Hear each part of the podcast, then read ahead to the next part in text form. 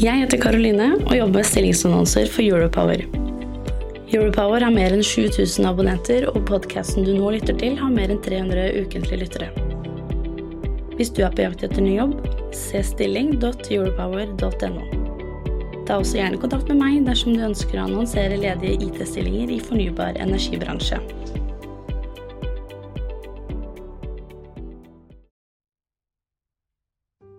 Du lytter til Energidebatten. Sendinga er produsert av Europower Partner i samarbeid med Vår Grønn, ABB og Microsoft.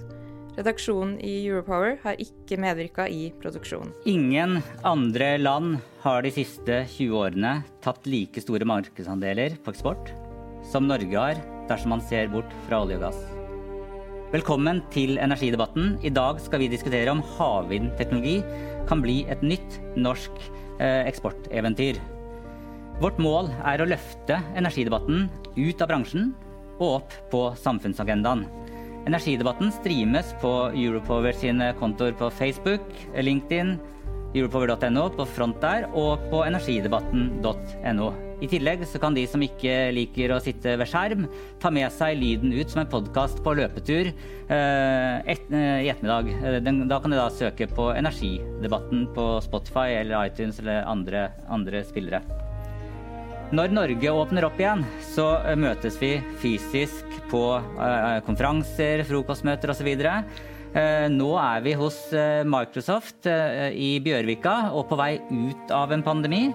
Eh, jeg heter Skjul Kristian Aamodt og jobber i Europower. Og nå skal dere få lov til å bli kjent med de som deltar i panelet. Men først, hvis du har spørsmål, så still de i Facebook-feeden på Europower sin eh, Facebook-konto, der vi streames eh, live nå. Ok. Vi kan starte nærmest meg. Hvem er du? Amund Vik er statssekretær i Olje- og energidepartementet. Og jeg heter Åslaug Haga og er leder i Norvea, som er en eh, interesse- og bransjeorganisasjon for vindkraftnæringa i, i, Norge. Ja, og jeg heter Christer Geirstam. Eh, jeg er leder for offshorevind i et selskap som heter Vårgrønn. Som er basert i Norge, og som eies av Eni, det italienske energiselskapet, og Hightech Vision. André er enig. Microsoft. Er kundeansvarlig, kundedirektør, eh, basert i Stavanger. Ja, Martin Kjell Olsson. Jeg jobber i ABB og bruker all min tid på havvind. Ikke alltid. Jeg har hørt at du løper litt òg? Litt. litt. Norgesmester i maraton? Jo, men det er noe du var. Ja, ok. eh, over til saken.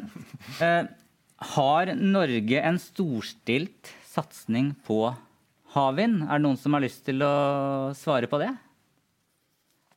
Ja, Åslaug? Eh, vi i Norvea er jo superfornøyd med at eh, regjeringa i Hurdalsplattforma sier at den skal ha en storstilt satsing eh, på, på havvind. Og vi tar dem på ordet på det. Men du sier 'sier at skal ha'? Ja, jeg mener jo at vi ikke er der nå. Og, og næringa, havvindnæringa, er utålmodig. Vi opplever jo at leverandørindustrien står og sparker og er klar til å sette i gang. Eh, vi opplever at det er kapital eh, tilgjengelig. Eh, men det vi nå trenger fra regjeringa, det er i bunn og grunn en klar ambisjon. Altså for hvor mye havvind skal vi ha? Hva betyr en storstilt satsing? Og det er klart at den må gå utover det å bygge ut litt i Sørlige Nordsjø 2 og å bygge ut Utsira nord. Så vi forventer at eh, regjeringen tydeliggjør hva en storstilt satsing på havvind faktisk er. Og dette har jo et fantastisk potensial for Norge til å overta etter olje og gass. Mm. Så var det Martin først, og så Amin.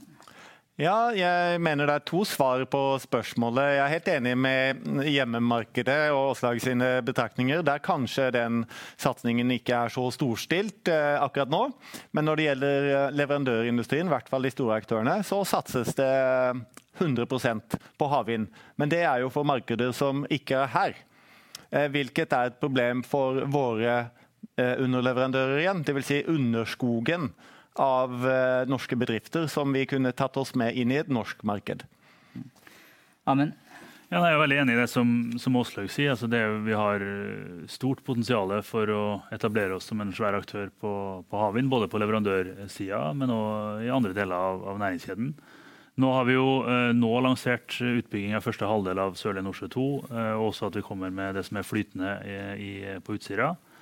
Eh, og så har vi samtidig sagt at det skal utlyses nye områder for havvind eh, rundt omkring i Norge. Og som en del av det, pluss arbeidet som Energikommisjonen eh, skal gjøre eh, framover, så må vi også, som Åslaug sier, og som det også står i Hurdalsplattformen, både tydeliggjøre mer sånn hva, hva innebærer det i form av volum, men også hvordan vi skal nå ytterligere målsetninger på, på havvind i tida som kommer.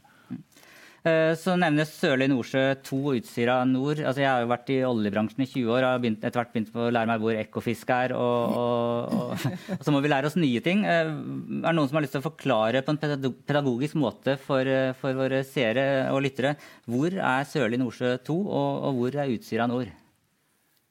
Ja. Jeg kan ta den, da. Så Vårgren Vårgrønn jobber jo med begge disse områdene og er uh, interessert i å, å, konkurrere om å få, eh, om, få de områdene. Så, så Sørlige Nordsjø 2 det ligger jo mot grensen til Danmark i Nordsjøen. og er et område som faktisk kan huse en ganske stor utbygging av, av energi. mer enn de tre gigawattene som er åpnet for. Eh, og så har vi det området som heter Utsira nord, eh, som da er mer stilet for flytende. og Det ligger da rett vest av Utsira øy. Eh, så glemte jeg å si at da Sørlig Nordsjø 2 den er eh, stort sett ment for bunnfast. Så det er to forskjellige teknologier.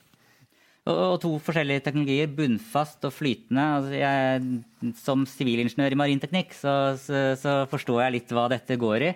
Men kan noen forklare hvor det er vi skal bli best? Vi kan jo ikke bli best på alt. Er det flytende eller, eller eh, bunnfast? Ja, da kan den som ikke er ingeniør ta det, da. Så kan vi få presiseringer eh, seinere. Eh, men, men, vår vurdering i Norvea er jo at når det gjelder bunnfast, så kommer eh, Norge seint inn i løpet. Eh, det foregår enormt mye eh, i Europa. Eh, og det er litt trist at vi ikke var i gang tidligere på bunnfast. Eh, men når det gjelder flytende, så er vår forståelse at vi fortsatt eh, kan ligge i forkant. At er, vi kan ta igjen det som andre har satt i gang litt før oss. Eh, og vi tenker at det er der vi virkelig nå bør sette inn trøkket, og at det er der de største mulighetene ligger for eh, teknologiutvikling, og dermed også for eh, leverandørindustrien. Og her er det en liten utfordring til regjeringa fra vår side, og det er at det har vært veldig mye snakk nå da om, om Sørlig Nordsjø 2 og denne, denne radialen som det skal bli. Altså bare en en, en ja, for det, og Da tenker du om det skulle være hybridkabler eller Ja, og det har regjeringen sagt noe om, så det forholder vi oss til. Det er, det er utmerket. Eh, men vi ser ingen grunn til at man ikke bare skal tute og kjøre eh, på Utsira nord. Der skal det bare en kabel inn til land, det er klart. Og det er bare så fenomenalt viktig at vi ikke nå taper i kappløpet med andre land når det gjelder flytende havvind. Eh, ja, og da, da, kan vi jo stille spørsmål hvorfor kan vi ikke bare tute og kjøre? Nei, Jeg tror jo eh, at det er ingenting i norsk krafthistorie som, eh, som, forteller oss at det er lurt å kutte hjørner og ta snarveier med tanke på å sørge for sameksistens, for å sørge for ryddige konsesjonsprosesser, og at det er klart både for aktørene i næringa og de andre berørte aktører hva det er som skjer. Så det vi gjør nå på Utsira, er å jobbe eh, så raskt vi kan, men på en grundig måte med å sørge for hva slags oppsett eh, er det rundt det. Hvordan skal konsesjonssystemet fungere, hvordan skal tildelingen fungere. Slik at aktørene som skal investere store summer i, i prosjekter der ute, har klarhet til det. Men òg sånn at de fiskere og, og, andre brukere av de områdene har klarhet for hvordan dette vil, vil slå seg ut. Jeg tror jo hvis man ser historisk på det, så er det jo både vindkraft og vannkraft og kraftkabler har jo gått fra å være noe som kraftnæringen har vært entusiastisk opptatt av, til å være noe som er hyperkontroversielt. Og her har vi jo muligheten til å bygge et norsk industrieventyr på ordentlig igjen med flytende havvind. Eh, og da må vi gjøre det på en sånn måte at det står seg og ikke blir noe som blir så kontroversielt som f.eks. vindkraft for land for øyeblikket er, selv om vi også der håper at det går an å få eh, fortgang i prosessene igjen. Og der må jeg bare si meg helt enig med deg, da. Vi som har erfaring fra uh, Vind på land som organisasjon. Vi må altså for all del ikke havne uh, i det samme uføret når det gjelder havvind som vi har gjort når det gjelder uh, vind på land. Og det betyr at vi må satse tungt og ta debatten nå på, på sameksistens. Og involvere alle mulige partnere i den samtalen. Eh, og så må vi selvsagt også, for at vi skal ha folkelig aksept for en tung satsing på havvind, så, så, må vi også sørge for at vi har leverandørindustrien med oss, eh, som vi har snakka om. Men vi må også få folk til å forstå at det faktisk er behov for kraft eh, for at vi skal greie det grønne skiftet. Og, og vi trenger mer kraft på land i Norge. Og det er ingen grunn til at vi heller ikke skal bidra i Europa med den fantastiske omleggingen som skal foregå når det gjelder uh, grønt skifte. Amen. Jeg bare tror litt til det siste som, som Oslo er inne på, så tror jeg jo Noe av det vi ser i Norge nå, er jo at uh, det er litt sånn ketsjup-effekt på uh, etterspørselssida på kraft. Veldig mange store anlegg kommer både på batteriproduksjon og på hydrogenproduksjon og på elektrifisering av bilparken og andre ting, som gjør at veksten i etterspørsel etter strøm er mye høyere enn veksten i produksjon. Så jeg tror jo Noe av det som taler til fordel for at vi nå virkelig klarer å utløse en satsing på havvind, er også at vi ser et helt annet behov for krafta på land i Norge for å ta unna det behovet som kommer som følge av elektrifisering av samfunnet og klimapolitikken. Så var det deg, Martin, først, og så Christer. Ja, først til uh, dette industrieventyret.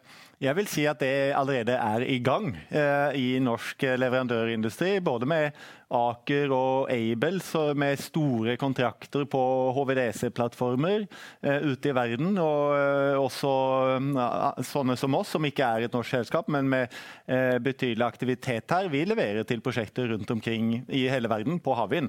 Så eventyret er i gang. Eh, og jeg vil bare oppfordre alle å henge seg på, og, og ikke sitte og vente på et uh, norsk hjemmemarked. Vi er, ønsker det hjertelig velkommen, og eventyret kanskje blir enda bedre med det. Men ikke vent. Uh, begynn å løpe. Og så til flytende. En kjapp kommentar på det. Ja, vi er gode på å bygge flytende ting i havet. Eh, hvor, eh, og kanskje skal man samle inn kraften på ting som flyter. I dag dette er bare et lite teknisk eksempel, finnes det ikke en standard for flytende substasjoner. sant? DNV starter neste uke, altså i Norge, hvor vi ikke har havvind, starter DNV i Norge et arbeid for å ta frem en sånn standard. Så at ja, vi forbereder oss her i Norge eh, for eh, flytende vind. Og vi kommer til å, uansett hva som skjer med hjemmemarkedet, eh, være sterke. Og så, så, har litt, så, har vi jo fokus på teknologi, skal ha fokus på teknologi i, i dag. Eh, så sitter vi hos Microsoft. Eh, jeg forbinder jo i hovedsak Microsoft med Teams-møter og, og, Word og PowerPoint. Eh, så antar jeg at det er, det er ikke PowerPoint-prestasjoner man skal ha ute på disse turbinene. Hvilken rolle spiller Microsoft inn i, i, et havvindeventyr? Um, det er minst to roller jeg ser for meg. Um, og så hva dere har snakket nå. For den første, Man tenker ikke på Microsoft som et kunde som vil gjerne kjøpe grønn energi. Uh, våre datasentre fungerer nesten mm. bare på grønn energi. Og Norge gir tapt av kontrakter, for det er ikke tilgjengelig uh, før 2025-2026. Og vi trenger nå, i dag, ikke sant? Og det er enorme behov. og våre andre konkurrenter, som jeg skal ikke nevne, men det trenger òg for sine datasentre. Så vi er veldig opptatt av den grønne skiftet og vi, vi, gjør internt hva det trengs. Så vi er et stor kunde, et potensielt stor kunde for grønn energi generelt. Um, for den andre, når det kommer til teknologi i den forstand som vi forstår det i Microsoft um, jeg skal ikke snakke om Teams, jeg skal ikke snakke om uh, PowerPoint. Uh, Gud hjelpe meg. Ikke Excel engang. Men vi snakker om, om sju tjenester når vi snakker om havvind, man trenger digitale tvillinger.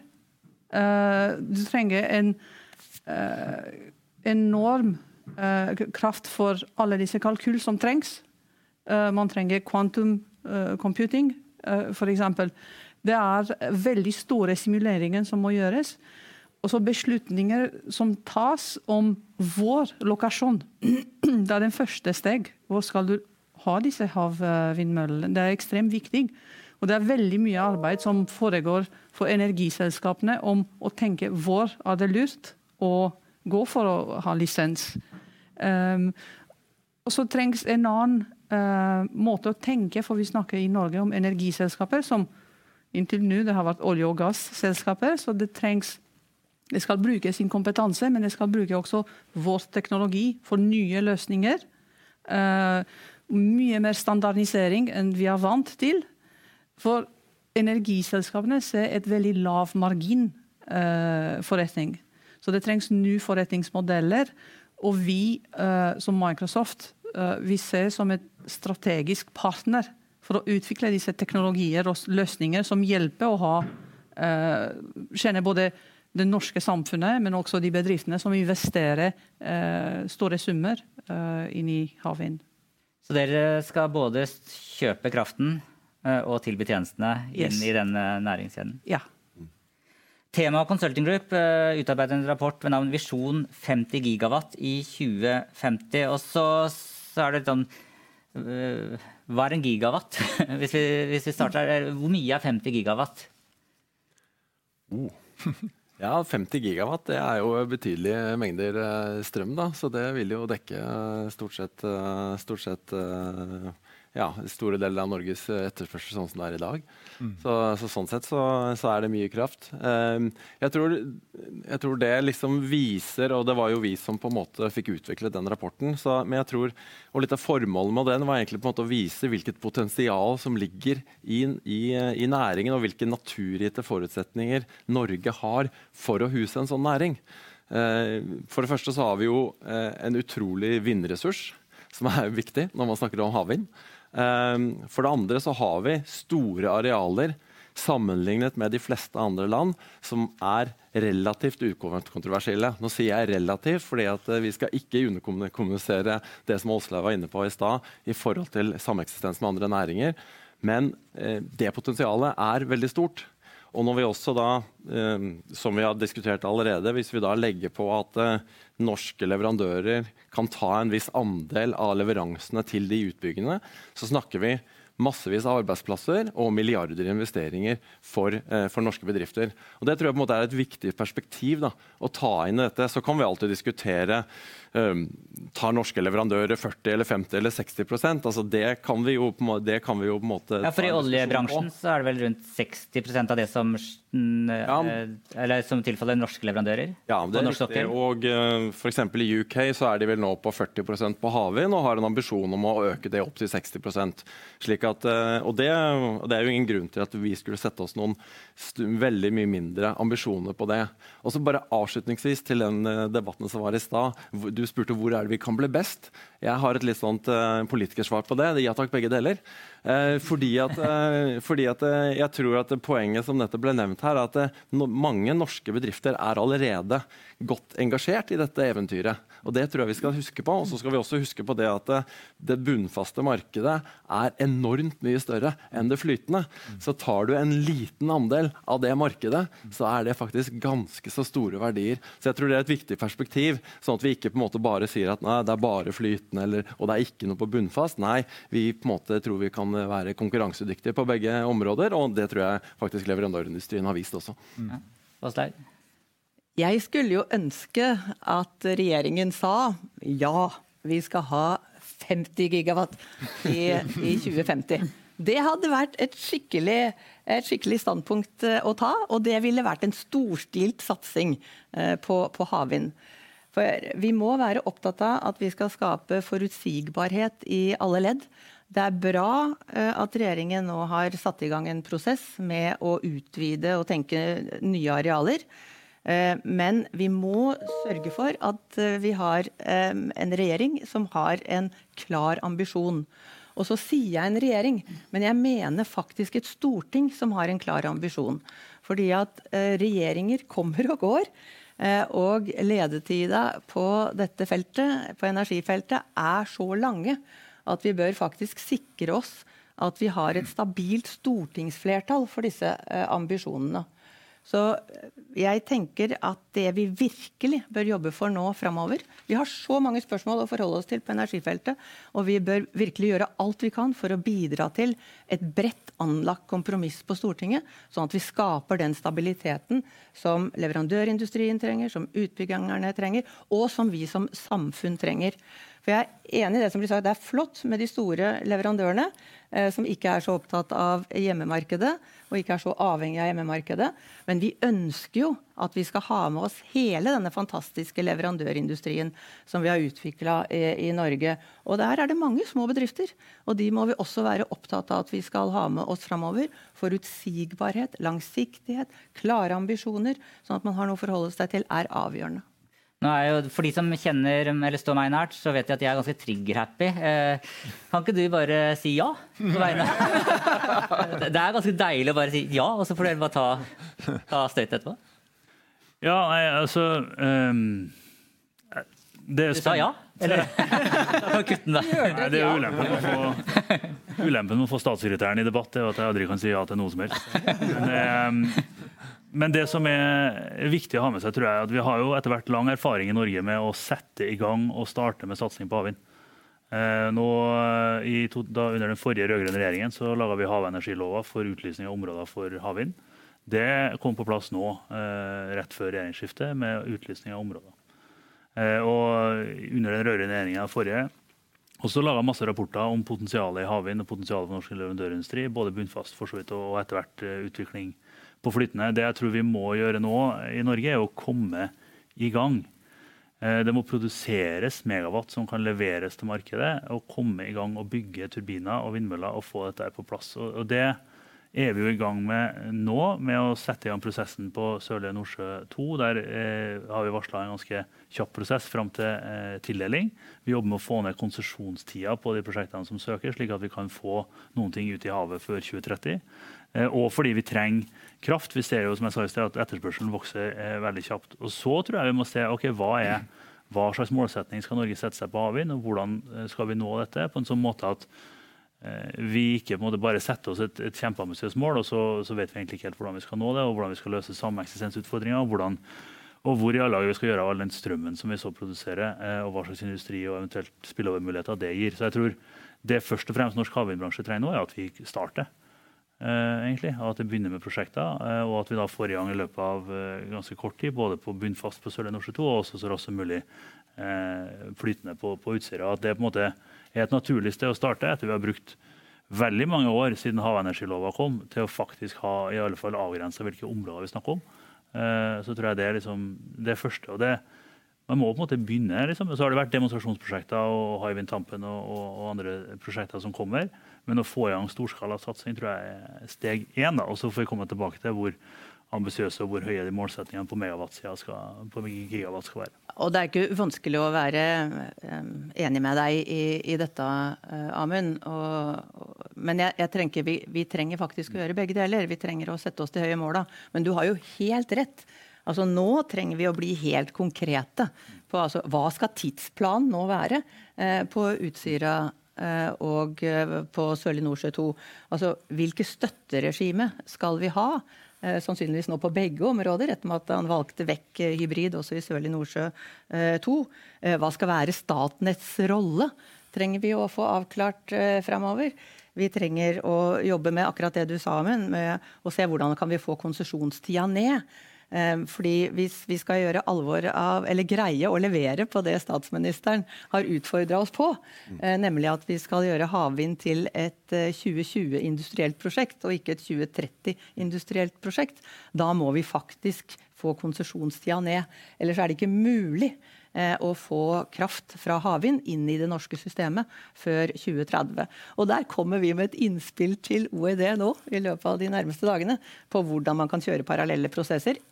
F.eks. Og sikre seg at vi får eh, nødvendig tid til høringer og den type ting, men at vi allikevel får opp eh, tempo. Så veldig fint at det blir sagt fra statssekretærens side. Martin, hadde du ja, altså jeg er jo enig i at vi skal starte, men jeg er ikke helt enig likevel. Vi um, gjorde et uh, arbeid uh, i regi av Norsk Industri for halvannet år siden hvor vi så på uh, samtlige markeder som har kommet et stykke på vei i havvind. Målt i antall watt installert. Sant? Og alle eh, fellesnevneren for de som har kommet langt, er at de har hatt konkrete og tallfesta mål som de har styrt etter. Eh, vi mener det er svært viktig å eh, sette et eh, tall for det vil gjøre ikke minst industrien vil gjøre det lettere for industrien å legge strategier og planer etter noe du vet. Og så La meg ta et eksempel fra løping, da. Ja. Siden du begynte med det. Ja. Altså, Du kan godt si det sånn at du har lyst til å løpe litt fortere. Da kanskje du trener du litt. Men nettopp det. Du, du vet ikke helt. Du løper litt i blinde, sant? Eh, Jakob Ingebrigtsen ble olympisk mester. Jeg skal love deg at For hvert år har han hatt et veldig konkret mål på hvor fort han skal løpe og hva han skal vinne. Og så har han eh, innrettet treningen deretter. Og det lyktes. Da kan jeg bare ta en oppfølger, for å bli, siden du tar løping. eller siden jeg sparka denne gang. Jeg er jo en gründer og jobber etter mål. Første målet jeg hadde eh, i voksen alder, det var Target 14. Vi bygde et IT-selskap, og målet var å selge det innen 2014. Vi ble kjøpt uh, i desember 2014 for rundt en halv milliard av et PE-fond. Det neste målet mitt det var Target 21. Vi bygde Energy, som var en nettavis for uh, olje- og energibransjen. Målet ut mot investorene var at vi skulle bli en del av noe større innen 2021. Uh, eh, og i januar 2021 så gikk vi inn i NST-konsernet, som også eier Dagens Næringsliv og andre. Hvis vi ikke hadde hatt de målene, så hadde det bare flytt videre. Andrea? Over til sak. det, det, hvis det er um, Den politiske debatten er ekstremt viktig å, å ha forutsigbarhet. Men um, den som jeg ser, og gjennom min karriere jeg har jobbet veldig mye med energiselskaper og olje- og gasselskaper. Det erkjenner at det må, det må, endre mentaliteten, og det må ha en helt annen fleksibilitet og mer agil Eh, der hvor du planlegger for de neste 30-50 åra å produsere en olje- og gassfelt, har, trengs å bli mye raskere. og Det er derfor det er mye nærmere vår egen forretningsmodell i Microsoft, hvor man går og lans du får en løsning, og så forbedrer du. Du venter ikke til det blir 100% klar, for da har du allerede tapt uh, markedsandeler. Og så kan jeg ikke la det, det, er jo litt krevende når en del av aktørene i havvind kommer fra olje og gass, er det ikke det? For de er jo det, det er ikke, for det er uh, Jeg kan ikke, uh, ikke, nevne Stavanger, ikke sant? Og da man vet at f.eks. Equinor investerer mange, mange milliarder av de pengene som de tjener på olje og gass, som går i fornybar energi. Uh, og det er blant hvis ikke den største i investering i fornybar energi, sammenlagt med de store andre energiselskaper man tenker seg til den vanlige. Så det har klar ambisjon, og det eksekverer etter det. Men det er et fleksibilitet, og det er um, Man kan ikke planlegge altfor mye. For det er ikke den samme forretningsmodell. Det er den jeg er litt redd for, at uh, vi mister markedsandeler.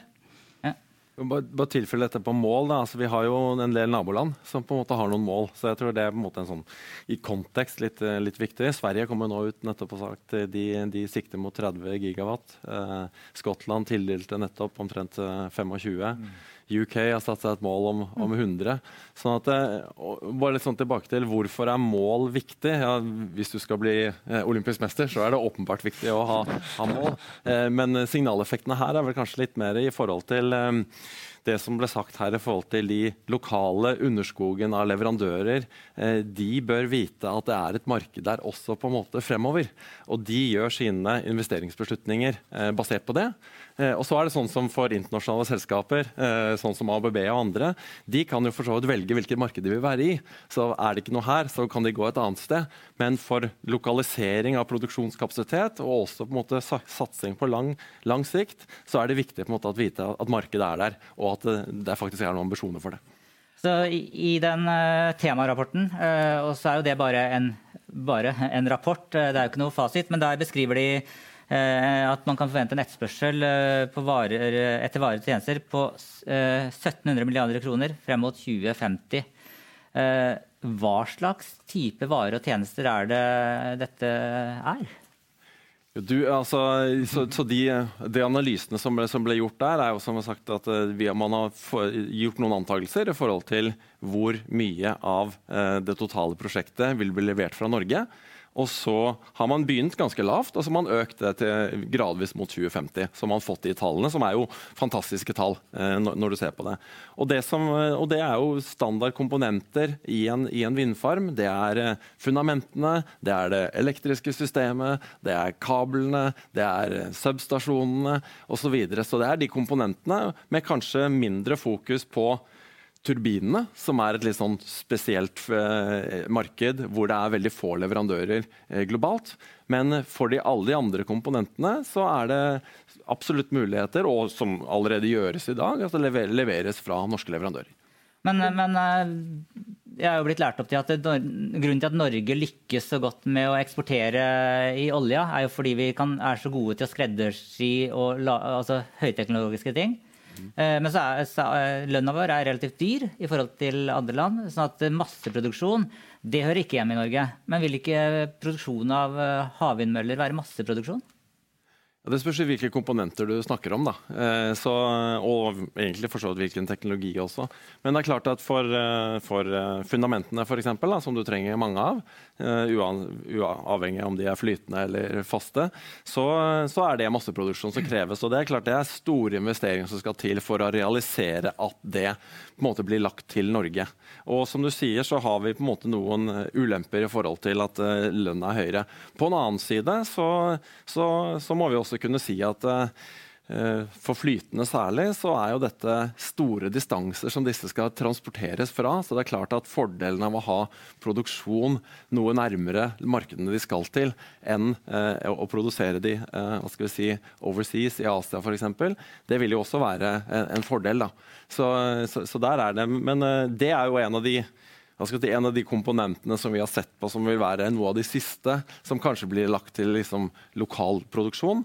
Men jeg tror også at uh, vi må se på vi må se på det også fra en vinkel at ja, det er en del etablerte eh, fasiliteter for produksjon av disse varene. Men vi snakker altså om en etterspørsel i Europa fremover på 400-500 gigawatt. Mm. Eh, slik at eh, vi kan ikke belage oss på den eksisterende supply chainen for disse varene hvis, levere, hvis, hvis, Europa skal levere på disse ambisjonene. Da må det rett og slett nye til, og det kan sikkert du kommentere på. Uh, ja, jeg kan. Og du, du, har helt rett. Det er klart det er mange ting, fysiske ting inni dette her som vi kan lage i Norge. Men vi er nå bare fem millioner her og har bare x antall fabrikker. sant? Så det, det er klart, de skal vi fylle opp. Og verftene skal vi fylle opp. Men det er også tjenester her som er svært verdiskapende. Og det du var inne på, nye måter å jobbe på, mm. det er veldig viktig. Det er klart, eh, Olje- og gassutbygginger har vært ingeniørtunge, og delvis, eller mye ingeniørtimer per eh, tonn stål. sant? Eh, og Det er også litt sånn i havvind per dag. Men det vi jobber med, og dere jobber med, er å bake inn mye av denne eh, ingeniørkompetansen inn i eh, software, f.eks. Slik at du kan replikere og skalere opp hver norsk ingeniør. Slik at du får eh, mer stål ut av hver norsk ingeniørtime. Og det er veldig verdifullt. Du kan si time for time. Kanskje det er dyrt, men hvis du ser pris per design som kommer ut, så er eh, bildet litt annet. Og Der er det høy verdiskaping, og det er mange gode norske miljøer på det, inklusive Microsoft. Ja, Andrea? Ja, og så akkurat den du sa. Hvis vi tenker igjen til olje- og gassindustrien og hvordan det var for 30-40 år siden. Det er enormt mange selskaper, teknologi i den forstand som Microsoft forstår det, software-leverandører, eh, som har startet her i Norge, som har hatt enorm suksess som kanskje noen har blitt kjøpt av eh, andre større, men som man bruker til hverdagen i olje- og gassindustri. Og det kan vi ha i dag òg. Og Microsoft kan hjelpe. Eh, vi har mange partnere, lokale partnere som bruker Microsoft-teknologi, men de lager sine egne løsninger. Og det kan også skape arbeidsplasser, standardisering og raskere design. Ja, Martin? Og Jeg er helt enig på tjenester, men så tilbake til ting, da. Eh, det er noen ting utover fly, å lage ting som flyter på havet, som vi er gode på. Det er å putte ting på havbunnen. ikke glemme det at ja, man kan samle inn kraften og sette dem på svære plattformer, men du kan også ta i bruk de gode norske subsea-miljøene, og det er flere av de. Både her rundt Kongsberg, Oslo, men i Bergen òg og andre steder eh, som kan det der. Og det kan være en game changer eh, for hvordan denne kraften eh, flyttes fra havet til et marked. Og det andre er jo elektrokjemisk eller ja, andre energibærere, da, om du vil. Der har vi jo lang erfaring med elektrolyse, ikke minst Hydro og andre. Den kan vi ta med oss inn i en fremtid hvor kraften fra vind ikke bare går i høyspentkabler, men også går til et marked eh, via molekyler. Hva er den viktigste grunnen til at vi skal satse på havvind? Eh, er det fordi vi skal bli en eksportør av teknologi, eller er det fordi vi trenger kraft i Norge? Eller er det fordi vi skal tjene penger på å eksportere kraft? Ja, Der er vår tilnærming helt klar. Eh, vi skal gjøre alle de tre mm. tingene. Vi bør ha ambisjoner om å bli en energieksportør fordi vi har så fantastiske forutsetninger for, eh, for havvind. Eh, og Europa kommer til å etterspørre fornybar energi i enorme mengder i, i tida framover. Så vi bør både innstille oss på at vi på sikt, når vi har en storstilt satsing på havvind, skal bli en, en eksportør av, av, kraft. Eh, men vi skal også da bygge opp leverandørindustrien i Norge i tilknytning til dette. Eh, og vi skal sikre at vi får nok eh, kraft eh, til land. Og jeg har stor respekt for den diskusjonen som regjeringen har hatt nå i forhold til kraft på land. Og at de, til slutt da valgte å ta en radial, bare en kabel fra Sørlige Nordsjø 2 og inn. For jeg tror vi, vi, må, vi, vi, må, forstå at folk vil være opptatt av at vi greier å sikre også det nasjonale kraftbehovet. Mm. Og jeg tenker at med en storstilt satsing på havvind, så vil vi greie alt uh, dette her. Vi vil sannsynligvis ha havvindparker som er direkte knytta til uh, fabrikkanlegg, hvor du skal produsere hydrogen eller ammoniakk eller hva du skal gjøre. Og så vil du ha andre utbygginger som er mer tjenlig for eksport. Og, og, du kan jo si når det gjelder Eh, vi snakka om Sørlig Nordsjø 2, og hvor Sørlig Nordsjø 2 ligger. Altså Det ligger på grensen til Danmark. Eh, så det er klart, hvis du skal ta kraft inn til land, så kunne det kanskje være smartere å legge parkene nærmere land. Som man gjør da på, på Utsira.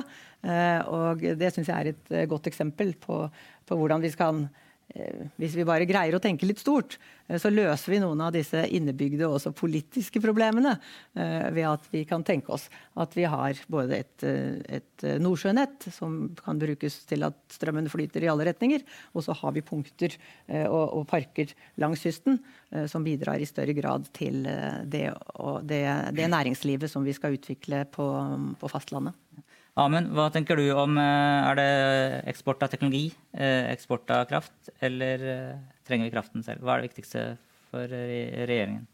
Nei, altså, Det er jo litt som, som Åslaug sier. Altså, det er jo det er jo ikke noe, på, på lengre sikt hvert fall noen motsetning mellom disse ulike målene. Jeg tror Eh, vi snakka litt om de andre landene som har bygd mye havvind, særlig bunnfast opp igjennom. og Det de har til felles, i tillegg til at de har satt seg mål, er at de har hatt et skrikende behov for elektroner. Mm.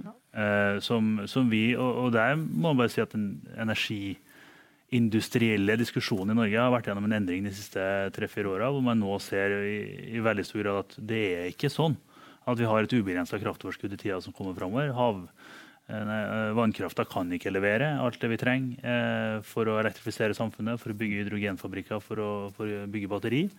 Så jeg tror nok at mye mer enn det har vært historisk, så kommer også det innenlandske kraftforbruket inn som en viktig faktor når vi snakker om havvind. Litt uavhengig av hvor i, hvor i, landet det er. Så er det viktig å si at vi som, som, norske politikere og for så vidt norsk kraftbransje har et ansvar for å sørge for at tilgang på fornybar energi også gir oss grobunn for å eksportere energien i andre former. Enten det er aluminium, eller det er hydrogen, eller det er andre ting. hva det måtte være egentlig. Eh, og Det krever jo også at vi har et blikk på gjør, hvilke evakueringsløsninger for kraft velger vi, og hvilken effekt har de på kraftsituasjonen og prisen i Norge. Eh, og over hvilken tidsperiode. Jeg tenker Nå er det én problemstilling når det står en del vindmøller ute i Nordsjøen og dupper. Hvis de andre nordsjølandene realiserer sine målsetninger, Eh, og vi også kommer inn med mye mer havvind, så er det en helt annen problemstilling. Eh, for konsekvenser nett, for nettet på land og, og, hvordan dette er, og Nordsjønettet og alt dette her. Men jeg tror sånn på kort sikt så tror jeg, for å være litt i, i løpemetaforen, så er det jo veldig få som har vunnet eh, maraton som ikke har begynt å løpe. Ja. Uh, og jeg tror uh, Det er sant. uh, at det er det viktige nå. Sant? Og at vi begynner denne prosessen på en måte som gjør at vi får erfaring med å også bygge ting i skala i et hjemmemarked. At vi får teknologiutviklingen opp. Og at vi får stokka beina slik at vi velger evakueringsløsninger og, og systemløsninger rundt. Som gjør at vi bevarer dette som et positivt og framoverlent satsingsområde for Norge. At vi ikke ender opp i en situasjon hvor dette blir, blir kontroversielt pga. effekter på, på land gjennom strømprisen. Så jeg tror liksom eh, det har vært en endring tror jeg er viktig å si, eh, for, for, hva slags behov for kraft vi ser at vi kommer til å ha i Norge, som kommer til å prege liksom inngangen tror jeg, til, til hvordan vi tenker på havvind framover. Litt som Åslaug sier, altså kan knyttes til konkrete industriprosjekter. eller hva det måtte være. Europa har jo kjempehøye ambisjoner på havvind, men også helt svært høye ambisjoner på hydrogen. Eh, hvor det virker på meg litt uklart hvordan i de skal få fatt i all den hydrogen. Og det er klart både elektroner og molekyler eh, vil bidra til, til, å få dette til å kunne skje også fra norsk side. Men her må vi tenker jeg, prøve å få til mest mulig. Eh, og, jeg tror ikke det er en motsetning mellom de målene, men det må skje en rekkefølge som gjør at du bevarer god stemning og entusiasme rundt at dette er et prosjekt som kan realisere industrielle arbeidsplasser i Norge eh, over tid. Da. Og det har vi også et stort behov for. Og Litt der må vi også være realistiske. Der må vi bare et litt innsmett, der må vi også være realistiske. For vi har jo faktisk da ikke havvind inn i det norske markedet. Vi har det kanskje på en god dag rundt 2030. Mm. Eh, og, og fram til 2030 så vil vi også ha et stort kraftbehov i Norge. Nå framskriver jo Statnett at vi vil ha kraftunderskudd i type 2026. Mm. Eh, så vi må basere oss på en del andre eh, teknologier eh, fram til 2030. Og det inkluderer også landvind. Eh, hvis vi skal greie å holde hjula i gang i landet. Er det Andrea først? Ja, det, det er veldig glad Amund nevner også hydrogen. for vi i Microsoft, når vi jobber med norske kunder eh, om den grønne skiftet vi, gjør, vi jobber allerede sammen om havvind, hydrogenverdikjeden, karbonlagring og fangst. Eh, for det er Det henger sammen. Eh, og det er ikke helt, jeg er helt enig, men man må se helheten. Vi kan ikke ha bare havvind, for det er ikke nok, raskt nok. Men man må se på hydrogen og karbonfangst og, og, og lagring. Um, vi ser fra den digitale verden og simulering, men uh, det er godt å høre. Uh, jeg kommer jo egentlig fra oljebransjen uh, og har vokst opp etter hvert med budskapet som Norsk olje og gass og de fleste aktørene i, i olje- og gassbransjen har enes om. Verden trenger mer energi. Og så har det i en del år møtt motbør Eh, fordi man har sagt at det er egentlig bare et eh, oljebransjens propagandaapparat som er satt i gang for fullt for, eh, for å forsvarliggjøre at man henter opp oljegass fra norsk sokkel. Nå opplever jeg at budskapet 'verden trenger mer energi' at, at det er ikke et veldig vanskelig budskap å selge lenger. For det som har skjedd nå med energikrisen i Europa og krigen i Ukraina, viser jo det at verden trenger mer energi. Europa trenger Eh, trenger mer energi. Hva tror dere eh, det siste årets eh, annerledes situasjon og, og katastrofe vil gjøre med, med EUs havvindsatsing? Amen. Nei, først bare si sant, Det det er mørke eh, dager i Europa nå. og ja, Vi fordømmer jo selvsagt angrepet og, og, og har, prøver å hjelpe til som best vi, som best vi kan med å håndtere konsekvensene. Så har det jo, det er jo som du sier, det har store konsekvenser for internasjonale, og globale og regionale energimarkeder, det som, det som skjer nå. Både direkte og, og for så vidt indirekte. Eh, jeg tror nok at det som i hvert fall skjer nå, altså kraftutbygging energisektor har jo i stort sett handla om tre ulike liksom, momenter. Sant? Tilgjengelighet og forsyningssikkerhet og bærekraft og på en måte det skal være pris. da. Eh, og det som skjer nå, i alle fall, er jo at man oppdager at man kanskje i litt liten grad har eh, fokusert nok på forsyningssikkerhetsaspekter i dette. Eh, og at systemet må fungere altså Det som er med strøm, da, det må fungere alltid hele tida. Det er ikke greit at liksom, Du kan liksom ikke hoppe over en dag og så tenke at det går bra. Så jeg tror gassens rolle, som i hvert fall på mellomlang sikt evner til å balansere kraftsystemet i de landene som nå har mye uregulerbar kraft, tror jeg er viktig fra et forsyningssikkerhetsperspektiv. Men det er klart innsatsen for å finne fram alternative kilder til energi vil jo bare virkelig øke. Men nå tror jeg liksom systemstyring og tjenesteleveranser, altså på å få eh, stort sett uregulerbare kraftsystemer til å fungere slik at de eh, kan balanse, være internt mer i balanse, og systemkjøring og sånn, tror jeg blir ekstremt viktig. Men at det kommer til å være et økt push for å få på plass økt fornybarsatsing nå, det tror jeg virker jeg. Det er jo mye, større, mye bedre marginer på, på olje og gass.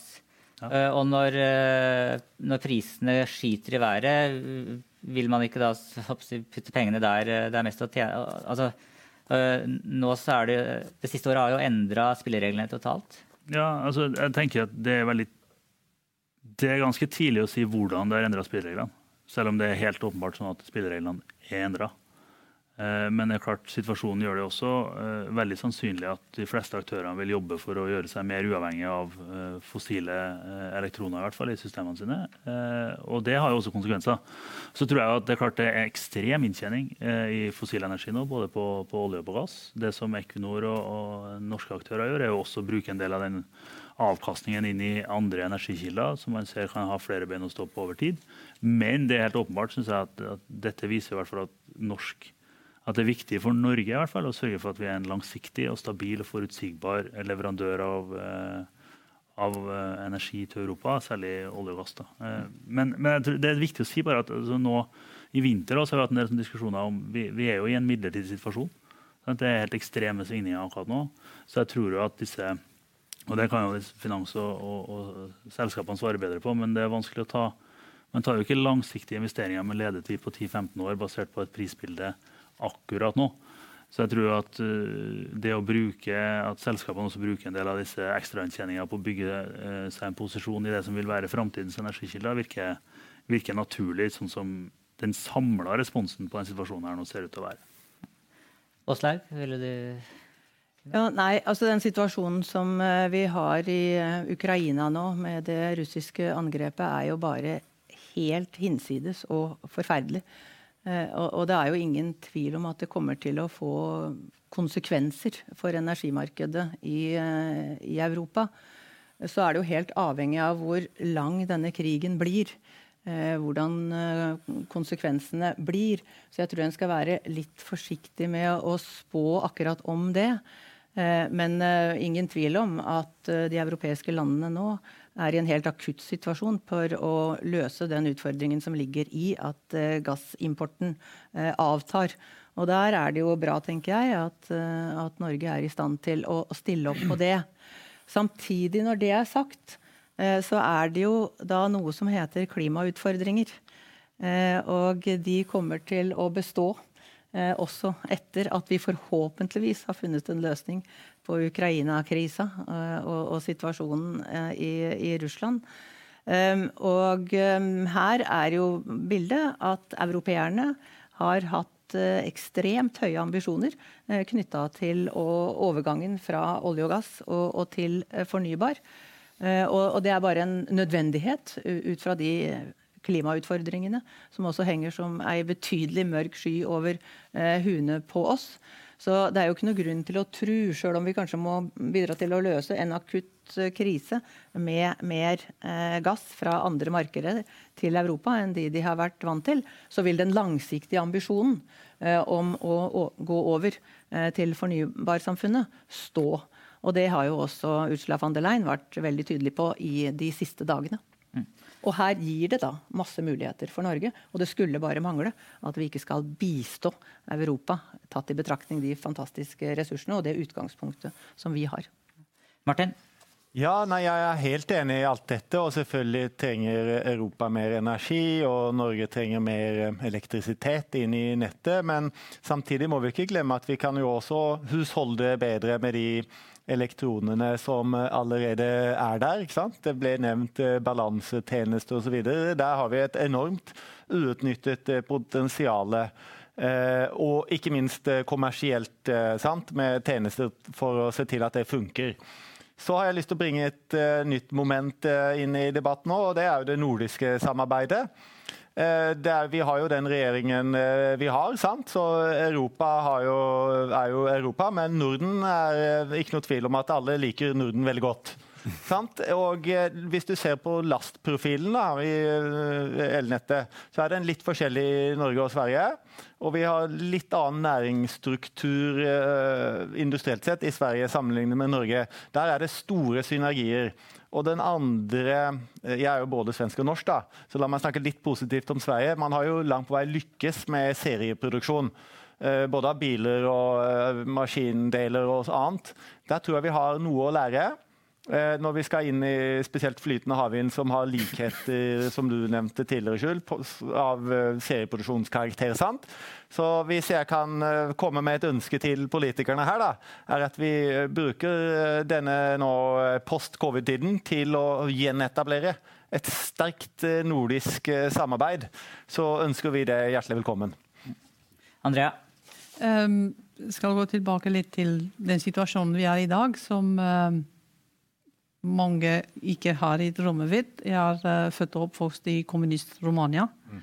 Så det, situasjonen som er i Ukraina, er veldig nær. Um, jeg skal ikke si mer, men, men uh, det påvirker hele Øst-Europa. Uh, den uavhengighet av olje og gass fra Russland har vært en bekymring i Øst-Europa over mange, mange år.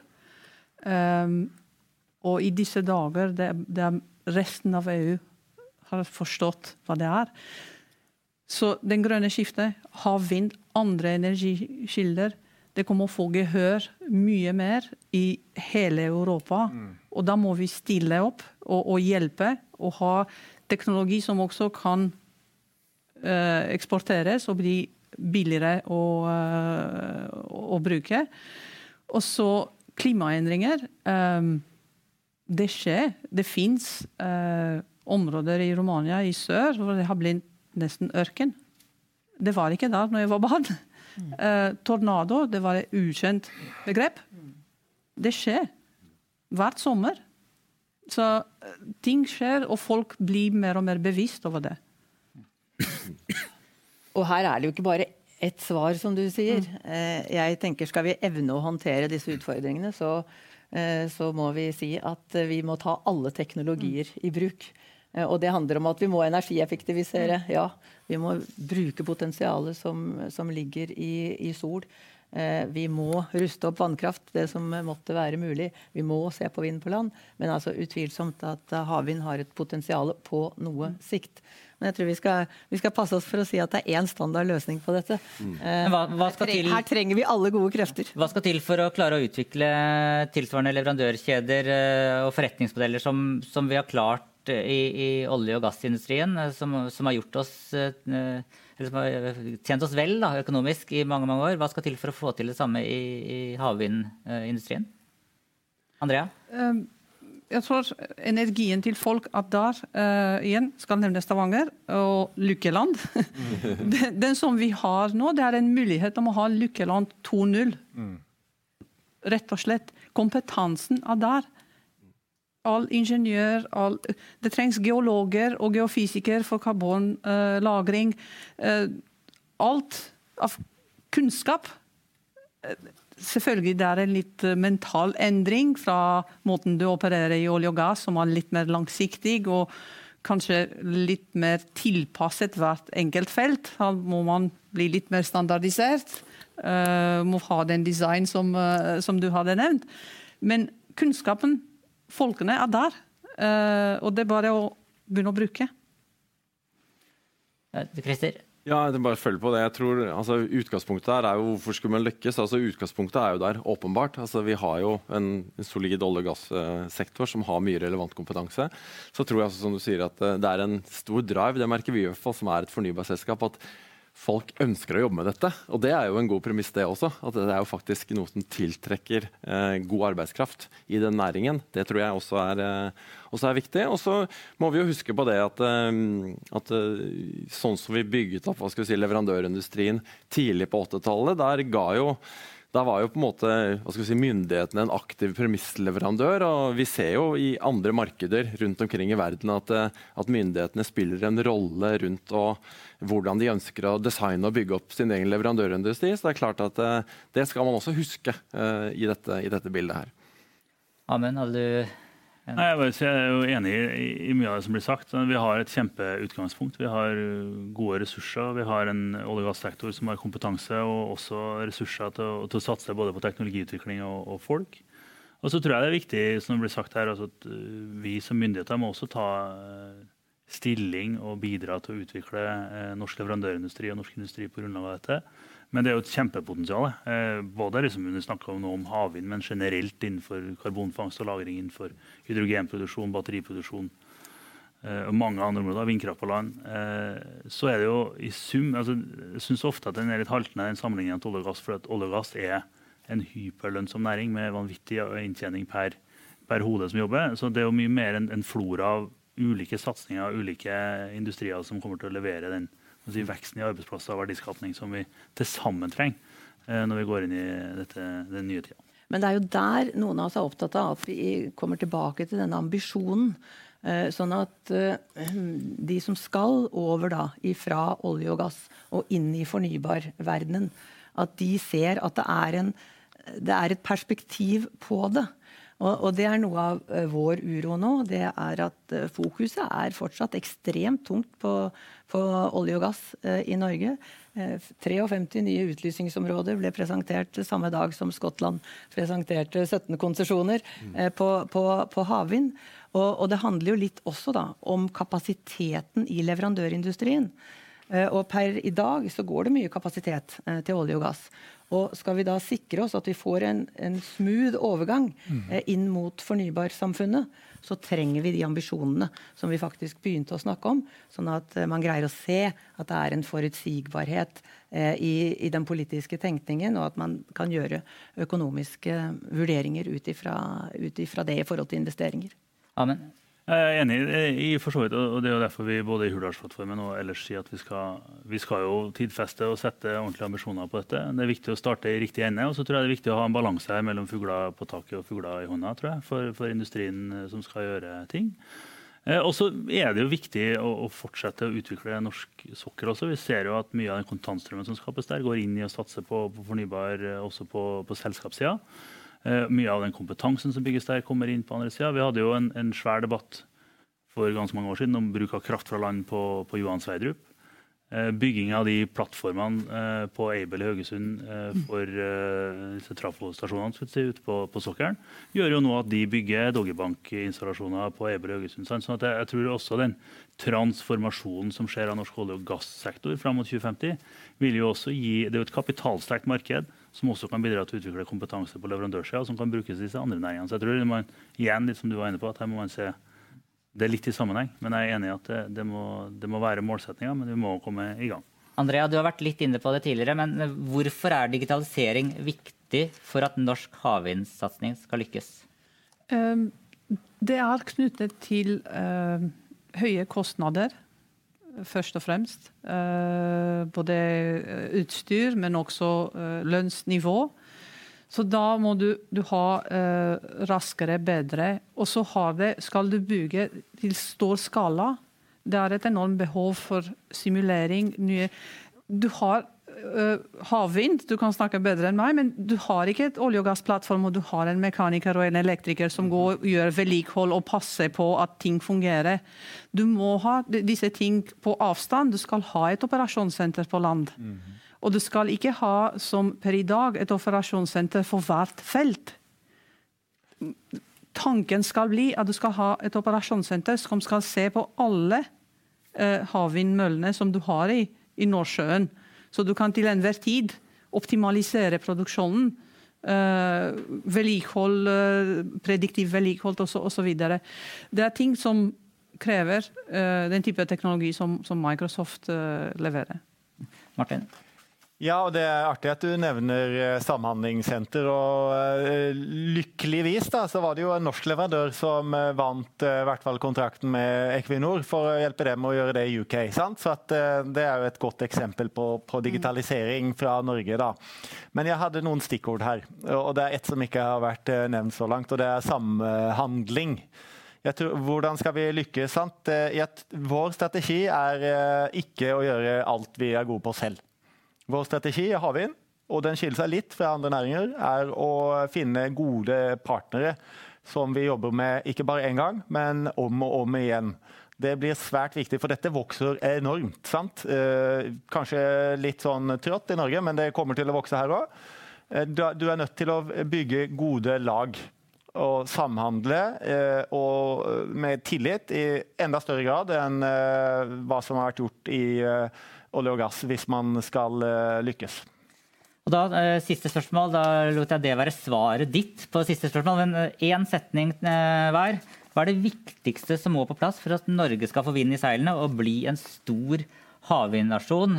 Om ikke Lykkeland 2, så i hvert fall Lykkeland 1-5. Andrea? Det er et tett samhandlingssamarbeid mellom myndighetene, energiselskaper, leverandørindustrien som, som uh, eh, ABB, og ikke minst teknologiselskaper som, som, Microsoft. Det må jobbes veldig tett sammen. Christer? Jeg tror faktisk det er så enkelt som eh, tempo og ambisjon. Det tror jeg faktisk, for jeg tror vi har de andre forutsetningene til å faktisk lykkes med dette. Åslaug? Jeg kan jo ikke si bare enig med deg. Så da sier jeg um, altså myndighetene må ville. Uh, sånn at vi kan sette bedriftene fri, og de får sette i gang med det de ønsker å gjøre, som er en storstilt satsing. Ja, og til slutt, Amund. Ja, jeg mener også at Vi trenger myndigheter som, som satser, eh, ambisjoner eh, og et godt samspill med næringen og, og, og den kompetansen og teknologien som vi har allerede. Yes, Bra. Jeg kan avslutte med å si at jeg ble kontakta forrige uke av eh, noen som lurte på om jeg ville søke meg jobb inn i havvind. Eh, jeg sa at jeg sitter greit her eh, i Europower foreløpig. Tusen takk til Og denne streamen har jo gått på front på Europower, så tusen takk til alle våre lesere, seere, lyttere av podkasten. Tusen takk til dere i panelet.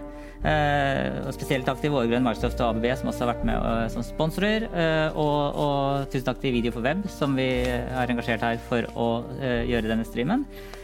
så ses vi igjen om ikke altfor lenge. Neste energidebatt kommer nå rett rundt hjørnet med, med Sigbjørn Aanes fra First House og Henrik Lette fra Statnett, som, som skal diskutere energibransjens omdømme. Den kommer neste uke. Så ja, da er det vel egentlig bare å logge seg på et Teams-møte igjen og, og, gå tilbake til hverdagen. Tusen takk. Du lytter til Energidebatten. Sendinga er produsert av Europower Partner i samarbeid med Vår Grønn, ABB og Microsoft. Redaksjonen i Europower har ikke medvirka i produksjonen.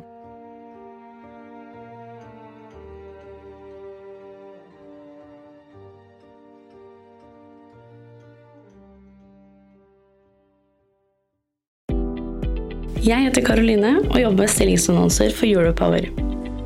Europower har mer enn 7000 abonnenter, og podkasten du nå lytter til, har mer enn 300 ukentlige lyttere. Hvis du er på jakt etter ny jobb, se stilling.europower.no. Ta også gjerne kontakt med meg dersom du ønsker å annonsere ledige IT-stillinger i fornybar energibransje.